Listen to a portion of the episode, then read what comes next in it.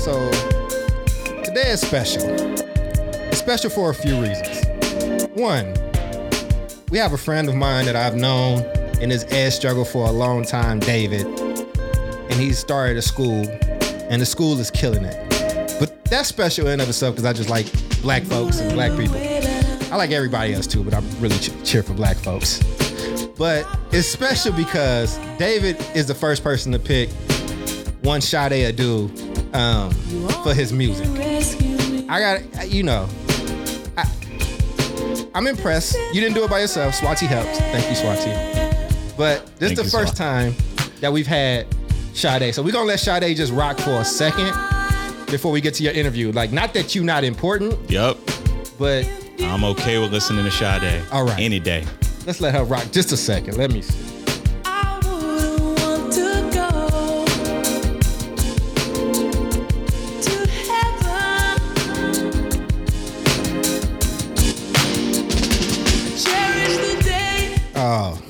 David, how you doing, man? I'm good. I'm good. I'm very busy, but good busy. Well, bro, I'm really, really happy and proud of you. Before I jump into all that stuff and being a a, a proud friend, like I did something, because I didn't. Um, let's get you to introduce yourself. Tell the people who you are, where you come from, and what you do. All right. Uh, my name is David Harden. I'm a father. I'm a son. I'm a brother. Uh, I'm also the founder and executive director for Aurum Prep.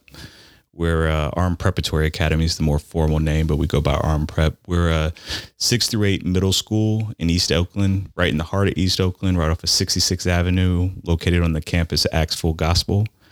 And um, yeah, uh, I, I think um, more than anything, um, I'm someone who's progressive, someone who's trying to push change, someone who's uh, never okay with the status quo. Okay, all right. Well, I was gushing and all that stuff. So you and I met years ago. Uh, your beard was not this fresh. it's not this silky. Um, but when we met, you and I did was doing some education work, and then I remember you getting into the fellowship to eventually start your own school. Tell us what that process was like for you as a black man, deciding that you wanted to start your own school. Like, what leads somebody to say that? Yep. Uh, it's it's interesting. I mean, I, I think, I think uh, what I'll say is this: we all talk about this concept of love, and I think one of the things I've come back to over and over and over again is iterating over these years what my concept of love is, and I think um, you know, you, you could define it as love or passion, but like I, I really, really believe you have to have a passion uh, for this. And if you're going to start a school, probably more so. I think starting a school is probably one of the most complex things you can do um, because of all the regulations, but more so that more th- so than any regulatory thing that you have to deal with um, is you are working through people who are working through people. And so um, uh, I think your whole work is human capital work. And that's some of the most most difficult work there is because it really depends on on human development and human growth and you you have to have a love not just for the kids but you have to have a love for your staff you have to have a love for the people that Well, you you ahead right now. Like you at already talking about staff and kids.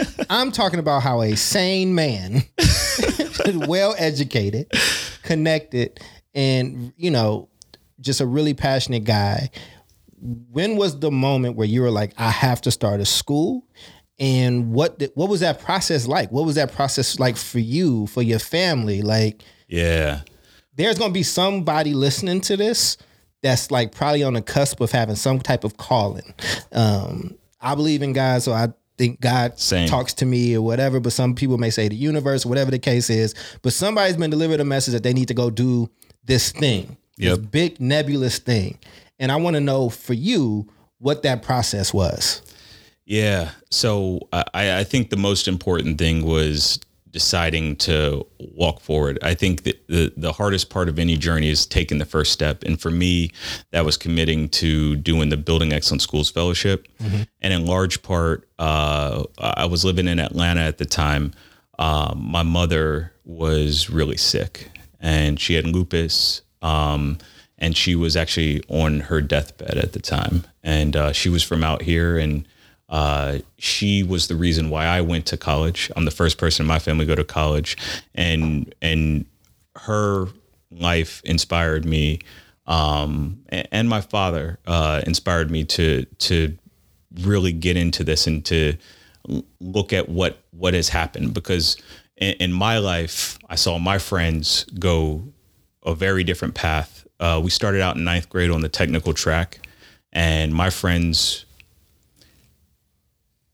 were bright. They were they were in the same class as me. We played basketball after school. We joked around. We, we were the same people. We were the same people, uh, by and large.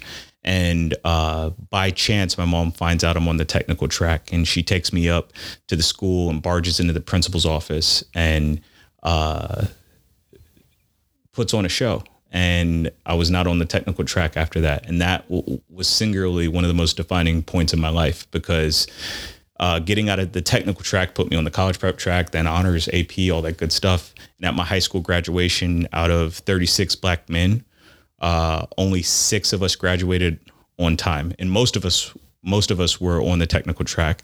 Of those six, only three of us ended up going into going to college, and of those three, only two of us ultimately graduated. Me and my other friend who graduated on a football scholarship. So I'm the only one to go to college and graduate for academics, and that looking back at that that defined for me like this is what I care about this is why and and my mom was the passion and the impetus for this Okay.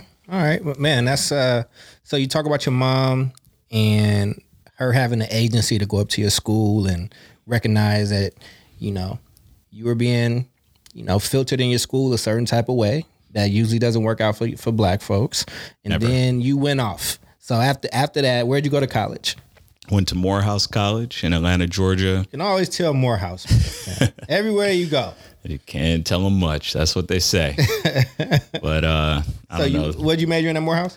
Uh, I was a double major in poli sci and Spanish Okay. So you did Morehouse and then what what happened after Morehouse? after Morehouse, I did Teach for America um, in Atlanta Public Schools, um, and it ended up doing pretty well there. Um, my second year, uh, I, I taught at the second lowest performing high school in Atlanta um, at the time was called South Atlanta um, High School Computer Animation and Design, and basically that year, um, the highest passage rate before that that the school had ever had for the end of course test. This was the test you took at the end of the year for United States history was uh, 49%. And that year we were able to get it up to 96%. And uh, that was one of the highest in the district. And I ended up winning this award with uh, Teach for America called the Sue Lehmann Award.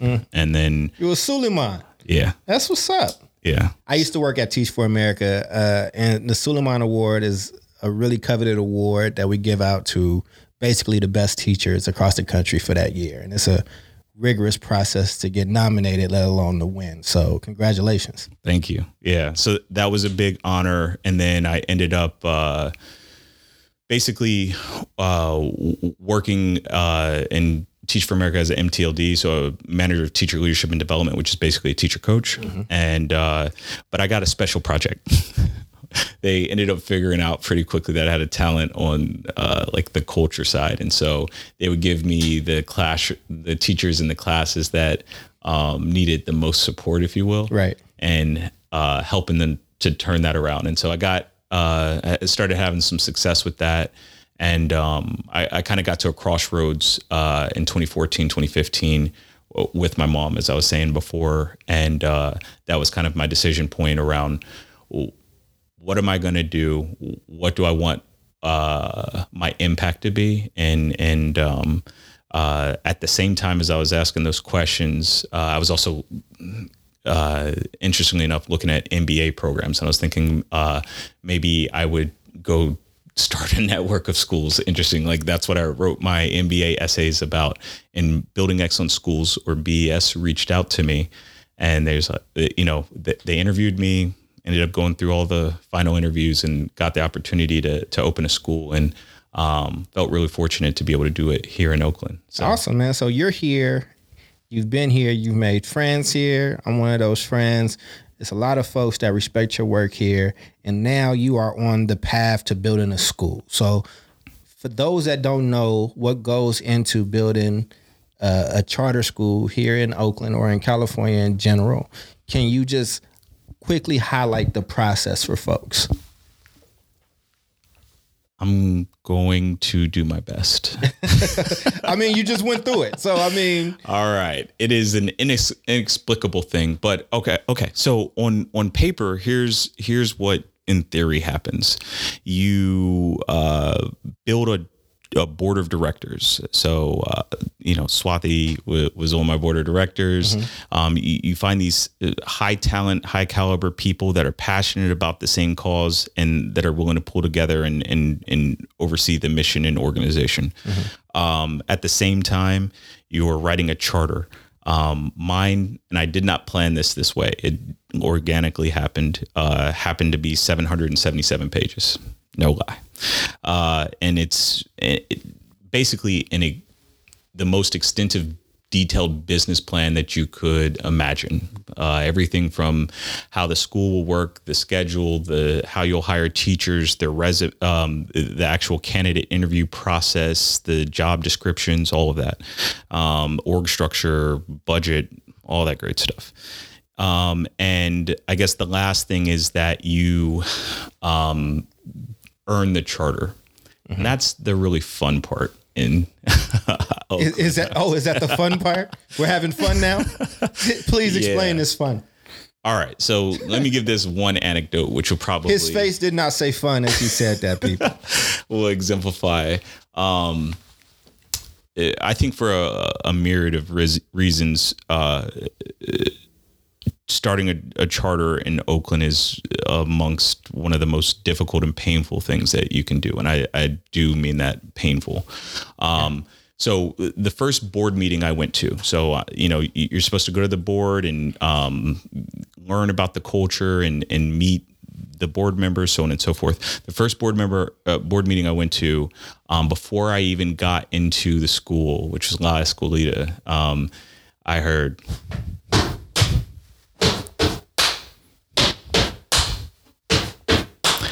Hey, oh, charter schools have got to go. I said, hey.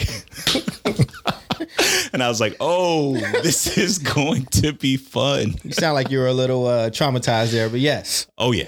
Oh yeah. Okay. So, so long story short, uh, there's there's um there's a, for a, a plethora of reasons there's a huge anti-charter sentiment and so if you if this isn't in your heart if you really don't have love for what you're doing you're not going to make it here you, you are going to be run out of town in a nutshell and uh, starting out that was my introduction to the charter world here and uh, at one point, um, BES was considering uh, switching cities. And I, I think similar to you, I also have faith in God and I, I believe in God. And I, I just heard like, don't leave. You can do this, and and this is what you're supposed to be doing. And I, I knew it was the path I was supposed to be on. and So I, I stayed the course. Um, but it, I think what staying the course means is it, it means that you you kind of give up your life. You kind of give up everything to to uh, sacrifice what's what's ever necessary at that particular time to to meet the mission of the school. And it, it's kind of like, yeah, I, I don't know how else to describe it, but uh, you work about 18 hour days or 16 to 18 hour days. You you're writing a charter, you're recruiting kids, you're finding a building, you're negotiating a lease, you're raising funds, you're uh, meeting with board members, you're meeting with uh, other community partners, you are uh, putting systems together, you're developing curriculum, you're Right. yeah. I mean, that's a lot, man. I mean, you executed though, and just for the folks that don't know, about how much does it take? Like, how much money does one have to raise in, like, in your case, in order for Aaron Prep to to come into existence? Uh, I mean, if you don't know or you Yeah. can't share, it's No, fine. I, I- just want to get. I just want people to have actually like conceptualize this thing because yeah. this, like I said, we have ed insiders that listen to this stuff, but the majority of people that's listening have no conceptualization. they're educational pedestrians, right? Like Yep. they, like they're civilians. So you know the ins and outs of what it actually takes to run a school on a day to day, and you have a middle school, which normally you know is fewer grades, but it has its own little intricacies that other systems don't. So Oh yeah. I'm just trying to help paint the picture for folks that's listening. Yeah, to to start um to to start a school, I think of let's say a class size of 90 to 100 students in your your initial year because we did a slow growth model. Some schools start full expansion. And when he says a class, he doesn't mean like one single classroom where it's 90 kids, and he's saying like a full grade of let's say seventh graders, 90 to 120 people that would be in classes that are less than 30 kids. Actually, in their case, less than 25. But yeah. So because somebody would have heard that and been like, yeah. they got nothing. Yeah. Thank Montessori? you for What's happening? that. yeah, it's all good. I would say in, in terms of startup funds, you legitimately need about at on the low end Mm-hmm. at least eight hundred thousand dollars, and that's that's on the low end. I yeah, I'd say seven to eight hundred thousand dollars. And before that, had you raised any money in your life before? I had, Mm-hmm. um, yeah, I had. Okay. So you came in with a little bit of experience around raising money, but it still was a bear to do. Now you have Aaron Prep, and I'm sure Aaron means something. What does Aaron mean? So Aurum means uh, gold or golden in Latin, Mm-hmm. and the purpose behind that, uh, obviously, we're in the Golden State, and uh, we want to set uh, the gold standard for what a quality education can look like for Mm-hmm. for our students, particularly here in Oakland. But uh, I, I guess the the real uh, ethos behind it is this: there was a study that was conducted, a longitudinal study over um, 20 years that looked at the factors that that uh, make the best teachers. And so they did a study and they looked at all these different factors. What extracurriculars are you involved in? Um, what colleges did you graduate from? Um, how long do you lesson plan? All, all of those different factors. And from a variety of questions, um, there was one answer that most strongly correlated with the teachers that produce the best results for students. And the, the question was something that no one anticipated on the front end. And the, the statement was this, and this has always stuck with me as, as soon as I found out about this. And the statement was, my students are the type of people I will want my own children to know and to be around. And uh, to me, if you strongly agreed or or agreed with that statement more than any other factor, you produce the best results for kids. And um, to me, what that um, signifies is that educators who treat their students and, and teach their students as if they were their own kids and hold that same bar are the ones that um, the, the ones that produce the best results. And so we want to build a school out of that ethos and um, produce a school um, that that really feels like a family that that that is operated on that ethos of the golden rule, if you will, is like treat treat this child as if they were your own.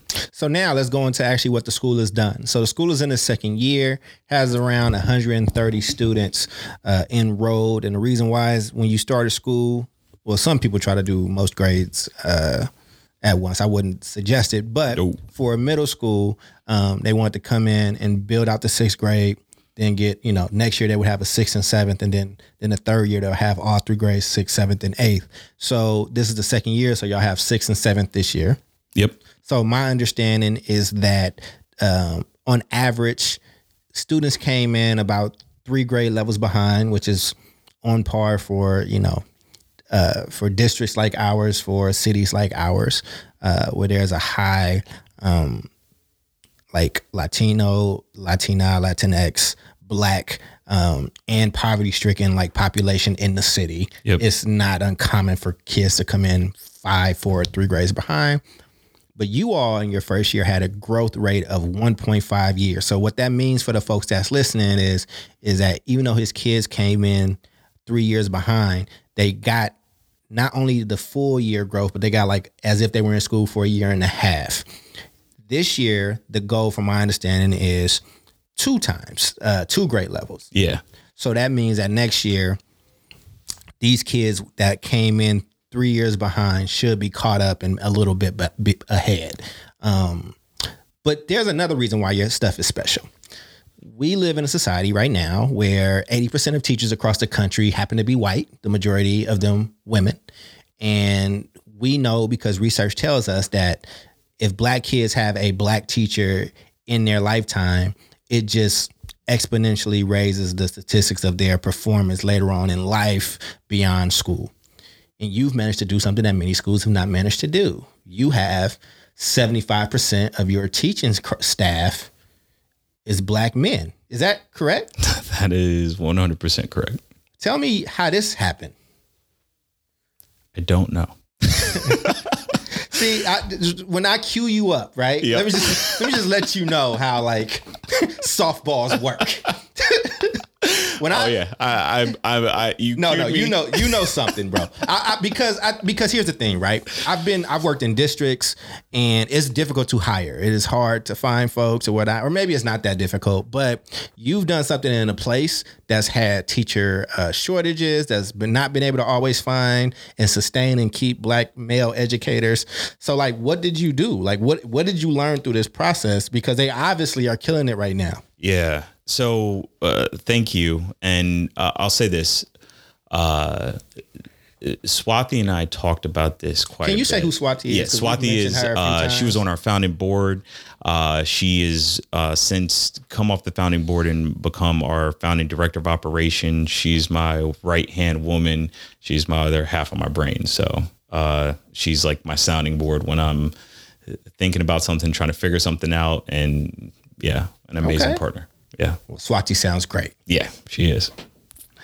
Uh, So, so, t- so, yeah, sorry. Swati and I, we we ended up figuring out. So, uh, coming out of the ethos, right? Like, what the, the most important factor in education, in my humble opinion, um, in in what I saw in my time as a teacher coach, as a teacher now running a school, is the teacher. Simple as that. If you have the right people on the bus and the bus has the right plan and it's going down the right route, then you'll drive results. If you don't have the right people on the bus and you don't have the right plan, um, then maybe you go places that you don't want to go, or you don't go places you hope to go. I, I, I wish it were more complex than that, and it, and it is more complex than that in figuring out the how. Right, the devil's in the details, but I, I think that that is simple enough to paint the picture for what what we're what we're trying to do. So what what we look at is I, I spend I would say in my day or within my role as executive director at Aurum Prep, I would say I, I spend at least 40 to 50% of my time just worrying about who do we have uh, or I guess I, I ask myself in the form of questions. A, do we have the right people? B, what do we need to do in order to get more of the right people? And then three, how do we keep them and train them so that they're excellent? And it, I spend my time figuring out those three questions, um, and I think by by virtue of figuring out those those three questions, we produce something that's maybe a little bit different. And so wh- when I was hiring, and then to get to the, this point of like the seventy five percent African American men, I did not start with the presumption. Our, our founding staff didn't start with a 75% uh, black male ratio. Now, it was probably um, between Latino and black, we were probably 50 50. Um, but we increased that over time. And, and I think what we found is we learned quickly about what makes a good fit for us. And that has to be informed by the people that you have, by the parents, by the students. It has to be informed by by what you learn and and um, we developed our interview process. Um, we tailored our interview process t- for what we learned worked well for who, who we got right. Because we di- we didn't get everything right year one and it's a it's a fairy tale to believe that you will. You're going to make mistakes and you've got to make mistakes to, to improve you know so I don't I don't want to hide the ball there. But we we we said who do we get right? Who do we get wrong? What were our mistakes um, how do we refine our process so that we catch the mistakes that that we did make in our hiring process? And how do we um, really vet for the orientations that people have? I've, I've learned this over time that that skills are less important than people's orientations. Um, and, and what I mean by that in terms of orientations are the, the mindsets that people have, the way that they look at the world. I care, I vet so much more intentionally uh, for what your mindset is, what your perspective on on the world is, and, and the kids, and and how you interact with them. You, your teaching samples the most important thing that you do in our interview process, and ha- how you interact with the kids. Um, I put way more weight on that because you see what pans out over time, and it's a it's a good predictive indicator, and and you can start to figure out. Uh, do these people w- would these people that that you're interviewing it's like kind of like dating right? But what i'm trying to figure out is would this person um want our students to to know their and be around their own children right? And and so in a nutshell that's kind of like what we're looking at and that's what we're vetting for. And over time and then you also have to throw a ton of resources at it. So we we uh, I spend I allocate a disproportionate amount of my budget to find the right people and to hire the right people. And and I hit the ground running. So we get recommendations. We talk to people such as yourself, right? And then like, who do you know? Who's great that we want to talk to them? And then we get them on the phone and we're interviewing, we're interviewing, we're interviewing. And um, I, I think I looked up after hitting the ground running. Uh, and then I was like, whoa. Uh, I was talking to Swati over the summer and uh, she's like, you know, the uh, the whole seventh grade team is black male. I was like, really? And she's like, yeah. And I was like, oh wow. Uh, let me let me go back and look and and see like were there other candidates who were more qualified? Were there? I want to I want to test and pressure test my bias because the same thing happens on the other side, right? We- And we're all we're all um, uh, liable to have bias and prejudice, you know, um, you know. So, so I went back and looked, and I was like, no, these really are the best people. But it, I think it was by virtue of edifying our our hiring process, really hitting the ground running, using our community connections, and then making that the top priority. The, within an organization, you kind of have like three P's: uh, people, processes, and product, right? And I think within a school, the people are simple, the processes are simple. Those are the systems. The um, the product, though, I think is the student learning. You gonna hold that microphone? you, I'm just, I'm just letting you know. I, I mean, I'm listening. I'm vibing with got you. the- yeah, yeah, You yeah. gonna hold that? You gonna hold that microphone? Go ahead. um, it, I think the processes are are are the product is like the the student learning, right? And Mm-hmm. and so we focus so much of our time on getting the people right. I think we have a, a we've done a lot of good thinking about our processes, and then the product uh, becomes a virtue of that. So long as you're really staying focused on what the students are thinking and and focusing your time there. So, So I mean, you know, I grew up here. I went to junior high here, elementary in Oakland. I didn't have the best experience.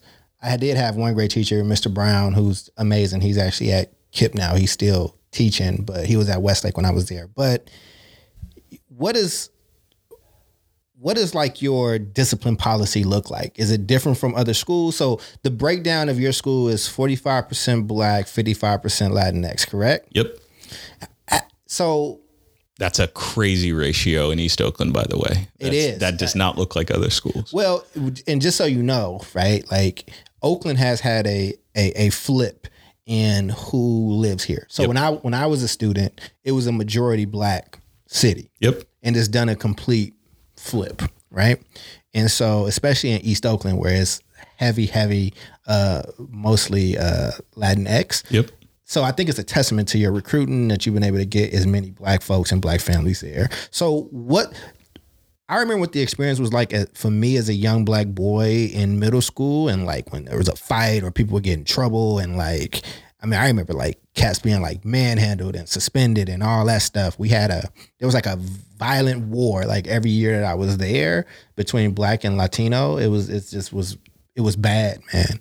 This is the '90s, so but the discipline policy was always like cats was always getting suspended. So how is your discipline policy? What do you say? What do you? What is it that you all are doing differently um, which probably isn't leading to as many suspensions as that we normally see. Yeah, uh, that was a figuring out process as well, and we we refined it over time. You know, you write a charter and you you have this thing in theory, and then you test it out on real people, and then you're like, okay, here's what we need to change. Here's what works, and and it's just a, a constant iterative pro- process. Th- that said, uh, this year I, I really really feel great about our um, our discipline process. The first thing that I'll say is like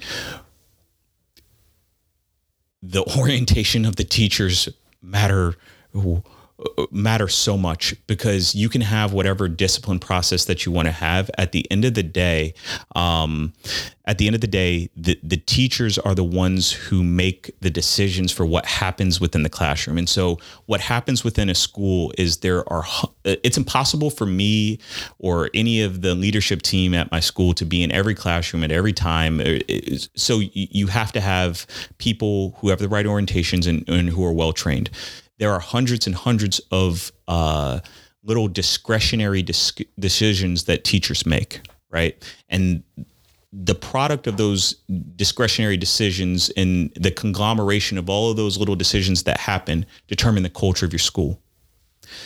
So, uh, for example, you could have a kid who decides to throw a paper at another p- student, right? And let me just start with middle school. Middle schoolers are insane. I'm just going to say that. First. It, it used to be just seventh and eighth. It's like it's a reason that you just putting these two grades by themselves away from everybody. Like, okay, they are.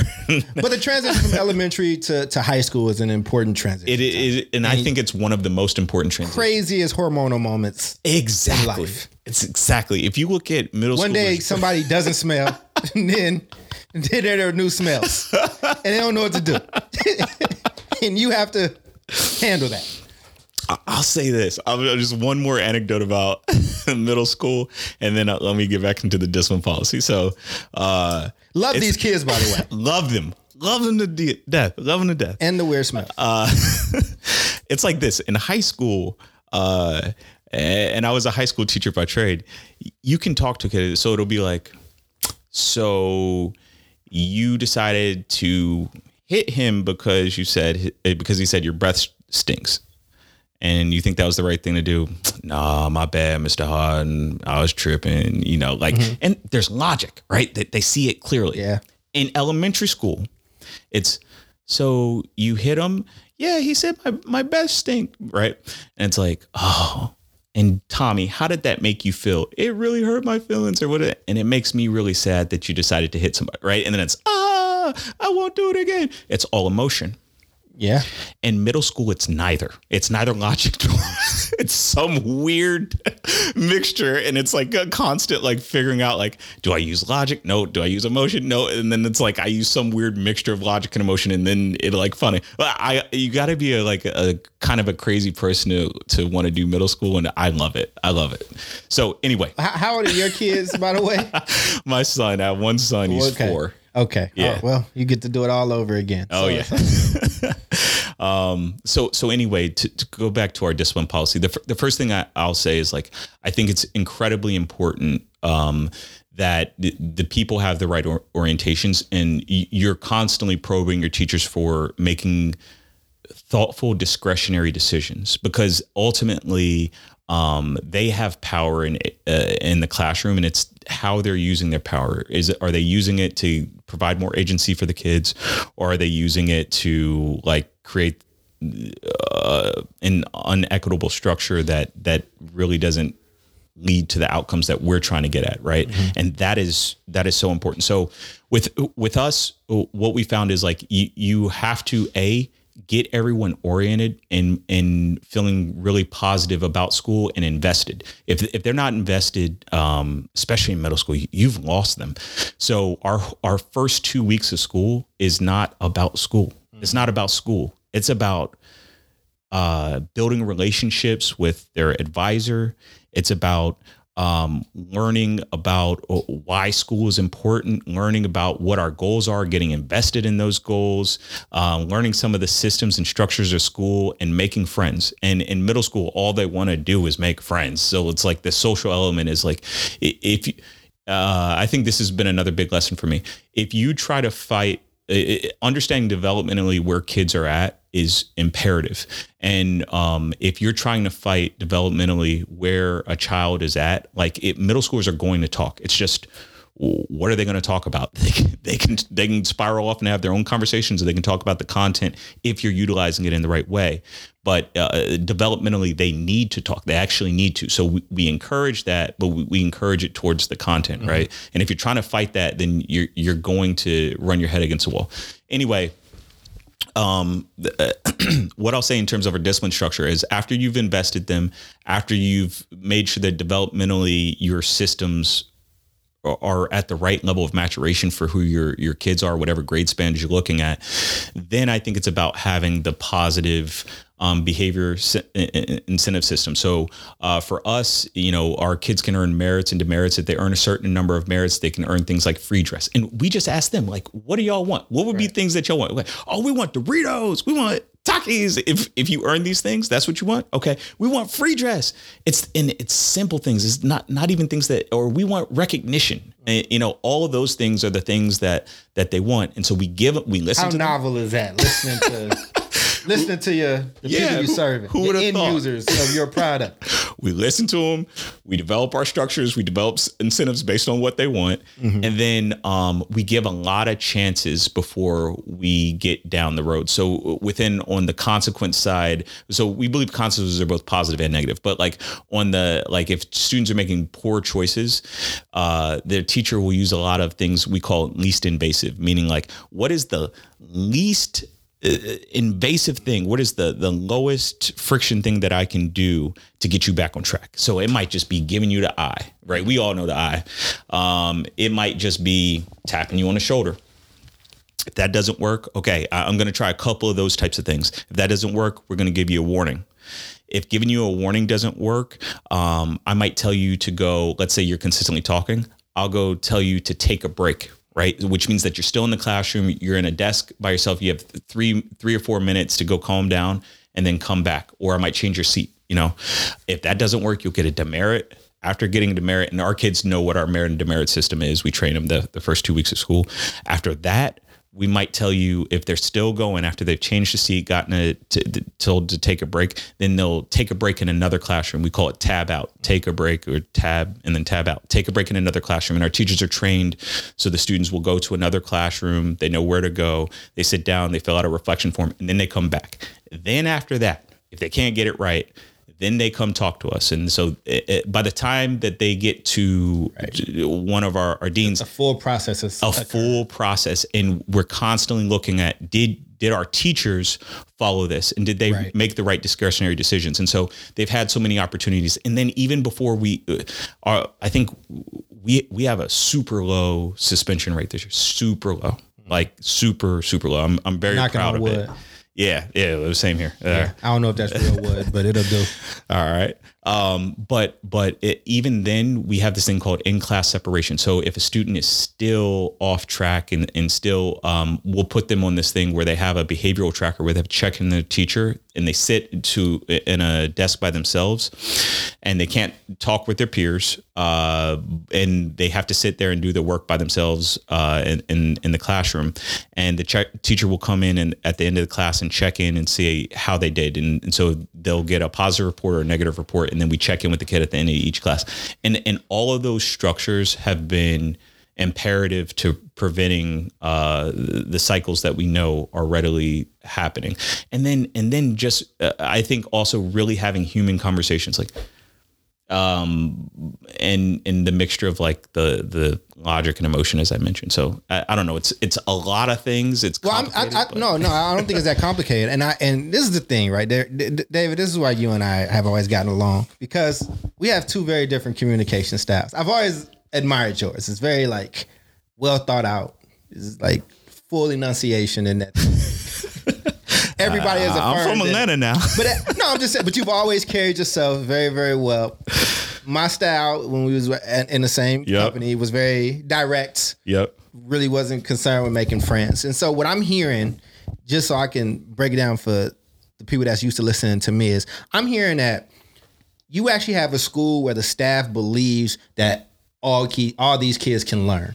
Yes. Like it starts as saying, I'm gonna treat you like this with a with a level of maturity because I actually think you can handle it. And when you talk about what people's predisposition is to like young folks, especially black and brown young folks, right, is that you gotta start from a place where you feel like these folks are smart, can do this, are capable, and can grow from a mental space when you don't, you end up going over on discipline. You end up like over punishing. You end up putting a lot of things in and you take choices away. And then they gonna resist. And then it's just kind of craziness, right? And you've done this in a system that tells us that unless it's called a black school or it's a private school or whatever the case is, you can't have this type of staff. And if you got this type of staff, you can't have this type of success. And if you having this type of success, you can't have it with brown and black kids. So this is the level in which I'm seeing you work on, even though your voice is super humble and you're not really like taking the roses that you need to take. Because I'm saying this as somebody who grew up and I the schools that I went to leaned the other way. It was discipline first. It was like we gotta break you down. We gotta like get you ready um, for what this new discipline is. And if you don't get it, we're gonna suspend you. We're gonna let y'all fight and do all that stuff. We're gonna suspend everybody. And so I just want you to hear back what you're saying, especially in a city where politics is put way over the success of actual students, and that drives us into this uh, traditional versus charter school, like stupid, stupid debate. And again, I say this as somebody who only went to traditional schools. Yep. I went to a bunch of them Same. Who lives in a city where black and brown kids have been failed for a long, long, long time, and who is truly agnostic about the ways in which people choose to educate their kids. So I don't care if you choose in a private school, a traditional school, a charter school, homeschool, whatever. That's not my business Yep. because I believe in your agency as a parent, right? So how have you navigated this beef? How have you navigated these haters that come at you and try to discredit your, your school without knowing you, your staff, or your kids? Like, what does that do to you?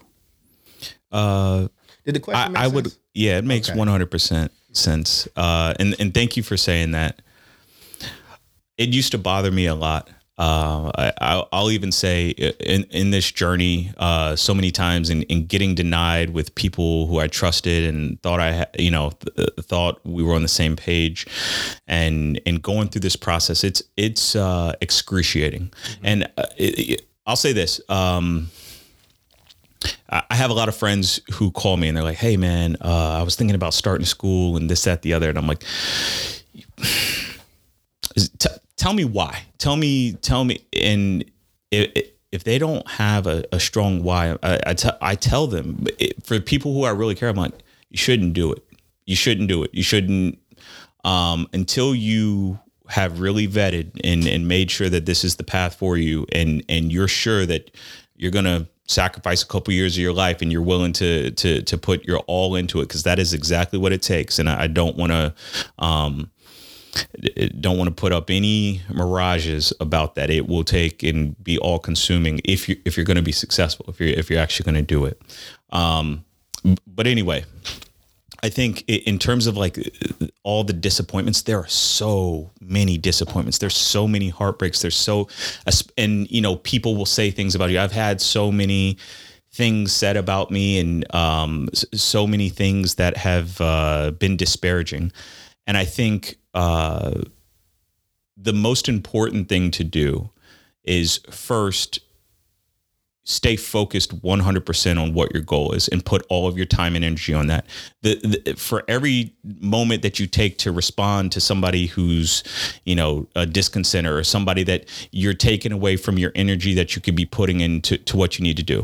And the the second thing I, I would say is that um I think Michelle Obama has a great quote on this. She says, um, "When they go low, we go high." Yeah, everybody like that quote.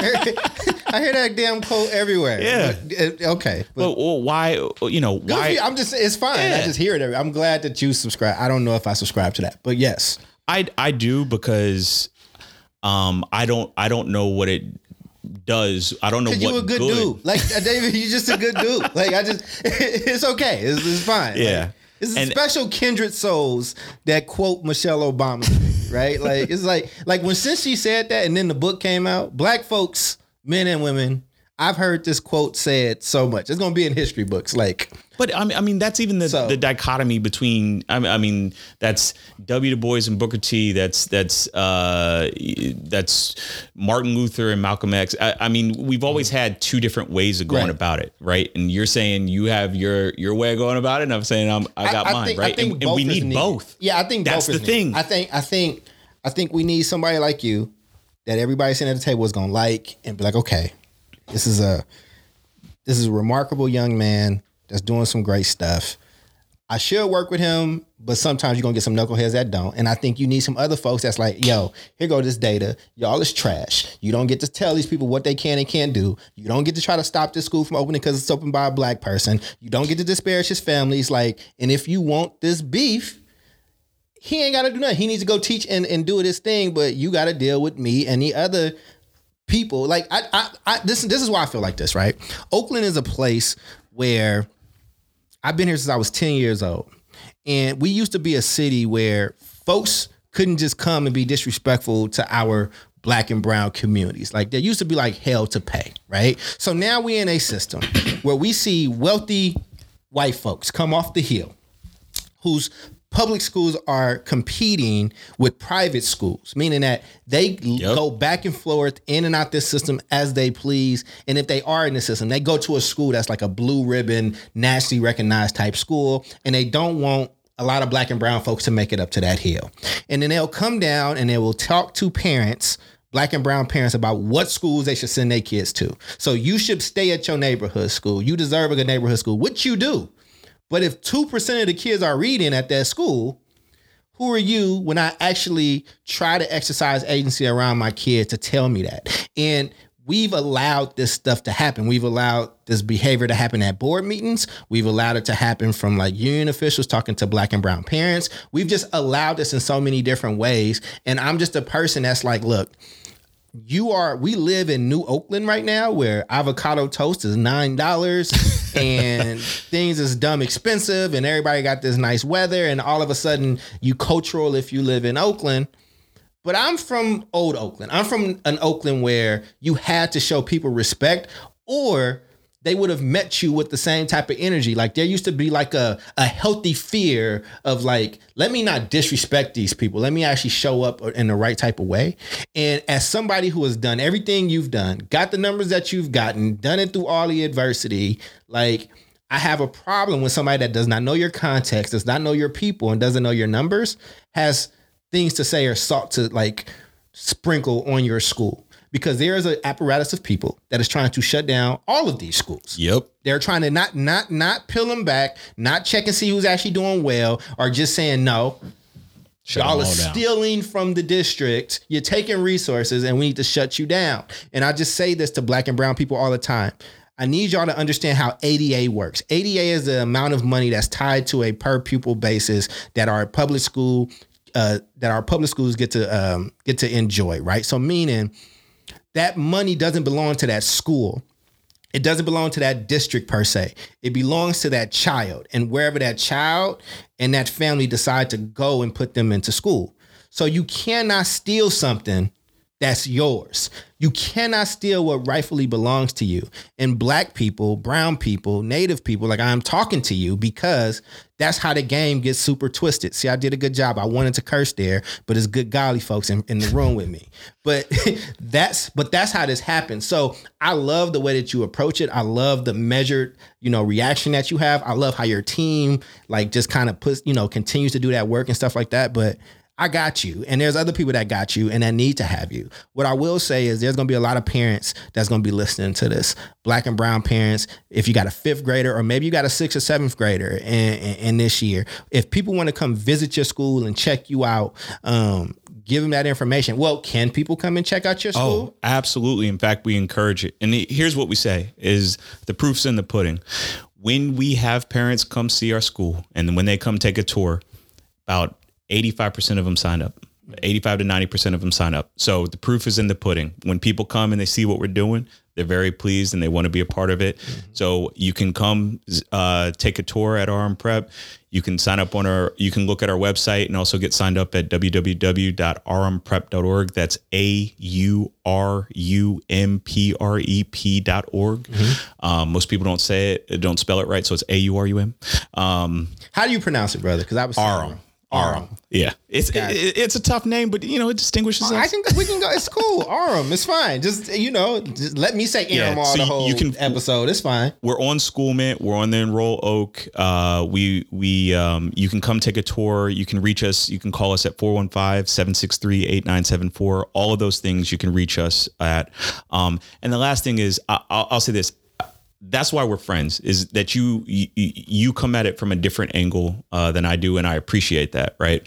Um, and and we need both. And th- for me, what I just want to do is I want to produce results, right? So I'm just like, listen, I'm I'm not gonna I'm not gonna talk about it. I'm gonna let the results speak for itself, and then and then people can decide. And I, I that's what I mean with these tours. I think the the proof is in the pudding. When people come take a tour, they get signed up, and we're gonna have these these uh, black and brown families coming and deciding, and, and the proof is in the pudding, and we're gonna we're gonna have them have an excellent education. So that's what we're about. brother i just want to thank you i want to have you back at some point to like go deeper into like you know just topics around this the city and the state and just the state of education right and and do more of a traditional rant but just knowing you uh my affinity for you and I had, you know, some knowledge of the the journey it took to get here, and I've seen you, and know I've seen the disheveled David, like stressed out, like is he gonna get through this type? of, Like, and I think that owning and talking about that stuff and talking through it will help us breed more folks from our elk to kind of go out and do the type of work that they feel like they was called to do. You know what I mean? I think demystifying the process was so important. And I think that so often our black leaders are not visible beyond just being a black leader. Like we don't know who they are. We don't know if they hurt. We don't know what's going on. Like, listen, I, I started my career as a social worker. I've been in education. I'm on a hospital board. Like, like this work breaks up families. This work is backbreaking. This work is hard, right? This work, like usually there are some massive personal sacrifices and losses that everybody that's doing this well has endured that a lot of people just aren't aware of. And I wanted you to be able to be a full emotional man that's seen by people is, not just a place a person that's holding space as a black man. So thank you so much brother. We're gonna get you back on man. And uh love you dog. And you know you welcome to come back anytime Likewise, I appreciate you, and I just want to say, uh, rest in peace, Rachel Willis Henry. oh yeah we should actually Alright. i mean because i was really close to rachel and i think you all were too right yeah, So- very much so. Well, let's. I mean, we ain't got to finish now, brother. We can. Let's talk about Rachel, man. Let's talk about our friend. Yeah. This is the first time I've actually been on. Uh, I did the national podcast. I did the the A Black Hands podcast. I think once since she passed, but I haven't just been recording just because it just hasn't worked out that way. So I process in a very different way. But you know, the last person to do this show that sat right where you were is Rachel Oh my god. and uh and so you know a memory that i have of her is when me and rachel met she just was like she had heard me talking somewhere and she was just like i like you like i've decided that i like you Yep. and ain't nobody gonna mess with you around me and we just gonna have to you just stuck with me from here on out and she kept her word and we we was like really really close in you know being folks from here that grew up here that went to school here but also um just waving and navigating through all the craziness in Oakland man and so you know her and I talked like right before I got the call that she had like passed away. I mean, not that not that she had passed away, but that she was in the hospital. And so, um, love Rachel, and I just know through this process, I mean, so many people that she touched and like influenced. And so, apparently, you one of those people, and your school's one of them schools. I saw a tribute in the article for her. So, what was y'all's relationship? Yeah. Uh, I will say I I don't have a lot of friends and Rachel was one of them. Um, she she was actually uh, the very first parent that we organized w- with. And um, she uh, I met her through Acts Full Gospel. I came and spoke at the church, and she was there. And uh, I was, you know, handing out flyers and tabling in the back at the end of service. And she walks up and she's like, "I want to know more about this school. Tell me more about this school. We're gonna do this. We're gonna make this school happen." From the very first time, she's Yeah, a man. strong, strong personality. Um, and ever since then, uh, it- it- whether it be a, a a board hearing, she would be the first person speaking, bringing the house down. Uh, whether it was going out to recruit other parents and let them know about the school, she was our, like our very first parent, and and our, I'd say our very best advocate.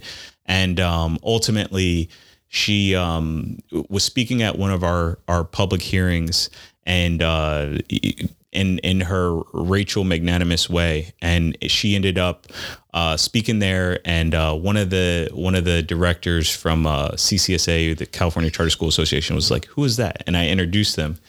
So sure enough, uh, and we were talking about this. This is the way God works. Uh, we, we, Rachel and I had been talking about her finding a new job, and she's like, I, I got to find a new job. And I'm like, yeah, Rachel, you seem like you're on the plantation right now. Right. And then she's like, yeah, you're right. I got to get off the plantation. And sure enough, she ended up getting hired as an organizer, Right. organizer and kind of felt like that that was her life's work and her life's calling. And so you just, you just never know, um, what type of of of things and what type of good can happen when you stay the course and, and when you connect with good people and have uh, genuine relationships and uh, I think Rachel was that for so many people. She's she's touched so many people's lives that I didn't even know that she touched. And Nah, man, I think she's amazing, man, and I'm glad that that happened actually when you were promoting at a church. I remember when we were talking about um, promotion for you earlier on and marketing and kind of getting folks. I do remember seeing churches. Not that I'm taking credit for your whole church thing. I'm not. I promise you, I'm not. But I'm telling you, man. I mean, still, right? Like even in a city that's bleeding like black folks, like churches is still like a major like epicenter for us culturally around this stuff. So, man, we're gonna try to, you know, definitely want to make sure folks is coming to visit your schools. You know, you can't visit every school, right? I just a lot you can't. There's some Yeah. schools that you can't visit. Yeah. Um. So. Thank you for opening that up, man. Thank you for that moment around Rachel, and thank you for what you do. Uh, Swati was here. She didn't want to say anything. We offered her the microphone multiple times. I just want to say that. I don't want nobody to hit me. Um, she's an introvert. I want to extremely. thank. I, I am too. People don't believe it. I'm an introvert as well. I'm a professional extrovert, personal introvert. I don't like people outside of work. That's why I don't go out. And like, like you saw me at the memorial. I came at the end and Yeah. paid my respects, and then I left quietly. But, um, but Swati, thank you for what you do as well, because we know that it's like there's a few people that the world might see, but the feet that's moving under the water, that's sweating and like making sure everything runs well, uh, that person is invaluable, and they usually are unsung. So, Swati, thank you for being that person for these kids. Uh, y'all have been listening to sitting down with David and Charles, and we're gonna put this podcast everywhere, man.